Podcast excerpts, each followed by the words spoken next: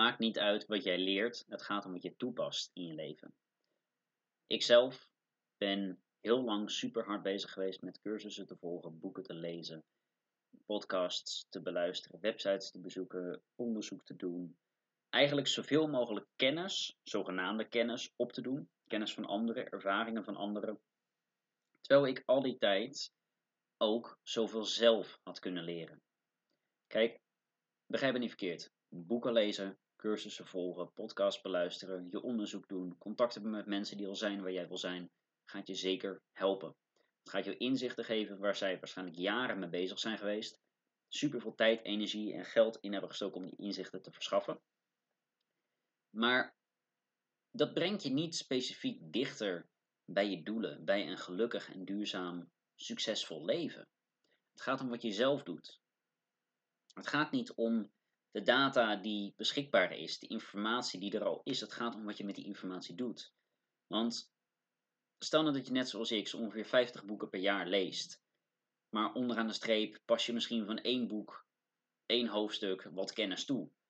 Dan is het super fijn dat jij al die informatie hebt opgezogen, maar onderaan de streep blijft er waarschijnlijk niks van hangen. Bijna niks van hangen van die boeken. Omdat je er niks mee doet. Je brein houdt van nieuwe neurale verbindingen, maar als jij de neurale, niet, neurale verbindingen niet onderhoudt, sorry, ik versprak me daar heel even, dan gaan ze gewoon weer weg. Zo simpel is het. Wat je niet nodig hebt, gaat weer weg. En het is niet direct, maar het is wel over middellange termijn, worden gewoon alle hersencellen opnieuw ingedeeld. Wat je niet nodig hebt, gaat de deur uit. En wat je wel nodig hebt, wordt aangemaakt. Dus in plaats van weer een nieuw boek erbij te pakken, in plaats van weer een andere podcast beluisteren, ga simpelweg zelf het werk doen. Ga met jezelf de confrontatie aan. Kom van je luie reet af. Van de bank en ga gewoon in beweging komen. Of dat je nou wil afvallen, fysiek, en je bent in slechte vorm, middelmatige vorm, wat dan ook, en je wil veranderen, dan kun je superveel leren op het internet, terwijl je op je bank zit, waarschijnlijk met een frisdrank en chips erbij. Terwijl je naar video's kijkt van fitness-influencers over hoe ze er zo goed uitzien en die zegt van, oh, dat wil ik zo graag. Maar ondertussen ben je niet het werk erin aan het stoppen. Terwijl als je op dat moment even op je vloer een aantal sit-ups, push-ups, wat dan ook gaat doen om fysiek bezig te zijn, dan kom je er wel. Want ook jij kan bewegen. Iedereen kan bewegen. Tot een zekere hoogte. Sommige mensen die echt een super slechte vorm zijn, hebben gewoon heel veel moeite om in beweging te komen. Dan is het de geest die er komt kijken om door die pijn, door die vermoeidheid heen te pushen en simpelweg bezig te zijn. Als je in middelmatige vorm bent, kan je alweer veel meer. Als je in topvorm bent, kan je nog meer. Dat klopt. Maar de mensen die in topvorm zijn, hebben keihard gewerkt om in topvorm te komen. En de mensen die in super slechte vorm zijn, hebben 9 van de 10 keer, hè, uitzonderingen daar gelaten, super weinig gedaan. En dus eigenlijk superveel negativiteit bijgedragen aan hun lichaam, waardoor ze in zo'n slechte vorm zijn. De meeste mensen met fysieke problemen, los even van aangeboren aandoeningen, immuunstoornissen, dat soort dingen. Maar de meeste andere zaken hadden voorkomen kunnen worden. Er zijn letterlijk mensen met diabetes die door af te vallen en hun dieet te heroverwegen, door te kijken van hé, hey, wat, waarmee voed ik mijn lichaam? Wat doe ik wel goed, wat doe ik niet goed, wat kan ik verduurzamen? Dat ze letterlijk van een diabetes afkomen. De gevolgen zijn af en toe nog terug te draaien, zolang jij maar er keihard voor werkt. Dus get out there. Ga het veld in. En als jij mentale uitdagingen hebt, je bent depressief, angstig of suicidaal, ga met jezelf die confrontatie aan. Dat is namelijk de enige manier. En dat maakt me niet uit hoeveel mensen je vertellen dat de symptoombestrijding eigenlijk in gang gezet moet worden. Stel je hebt een trauma meegemaakt, wil je vaak over je trauma praten. Ik heb zelf ook trauma's, ik heb zelf ook PTSS, posttraumatische stressstoornis. En ik heb erover gepraat. Maar ik vind het veel waardevoller om nieuwe inzichten te verschaffen en mijn trauma's eigenlijk te ontkrachten.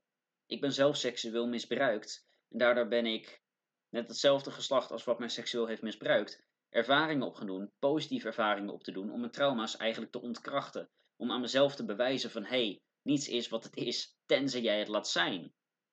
Trauma's zijn er omdat ze een bepaald ding hebben bewezen in het leven, je een bepaald perspectief, een bepaalde visie hebben gegeven. Maar het voordeel van een perspectief en een visie is dat het ook is om te draaien, dat het is te veranderen als je het maar doet. En natuurlijk is het voor mij iets makkelijker. Ik ben een man, ik ben wat dat betreft wat weerbaarder. Althans, dat is even mijn perspectief. Dan een jonge dame die seksueel misbruikt is. Wij als mannen zijn daar gewoon een stuk makkelijker en lomper eigenlijk in. Althans, dat is mijn perspectief. Dat is mijn eigen ervaring. En ik kan me voorstellen dat het voor jou, als je nu een vrouwelijke luisteraar bent, dat het heel moeilijk is om dat nu te horen. Van hé, hey, ga eigenlijk de confrontatie aan. Als je daar niet klaar voor bent, moet je dat ook niet doen. Maar alsjeblieft, knoop dit in je oren. Wat je ook hebt meegemaakt, het is oké, het is gebeurd. Maar het betekent niet dat dat 100% de realiteit is. En ik ga hier niet zijn om je te vertellen dat de dingen die zijn gebeurd, dat die niet kut zijn, want dat zijn ze. Maar wat ik je wel ga vertellen is dat wat je ook hebt meegemaakt, je kan er een andere betekenis aan geven. Je kan ervoor kiezen om lessen aan te gaan, om nieuwe positieve ervaringen aan te gaan. Hoe weinig reden je eigenlijk ook hebt om dat te doen. Hoeveel recht je eigenlijk ook hebt om een bepaald perspectief, een bepaalde visie te hebben in je leven. Maar dan is het sleutelpunt dit. Ben jij gelukkig met de visie die jij hebt? Beperkt het je of versterkt het je? Als het je beperkt, ga dan alsjeblieft een andere visie adapteren. Zorg ervoor dat je out there bent, dat je nieuwe ervaringen opdoet. En als het je helpt, weet je, dan moet je het zelf weten. Ook dan mag je het laten zijn. Alleen vaak zijn de mindsets, de perspectieven die we hebben, ja, van nature niet helemaal het allerbeste, het allergezondste, omdat wij als mensen geprogrammeerd zijn om pijn te vermijden.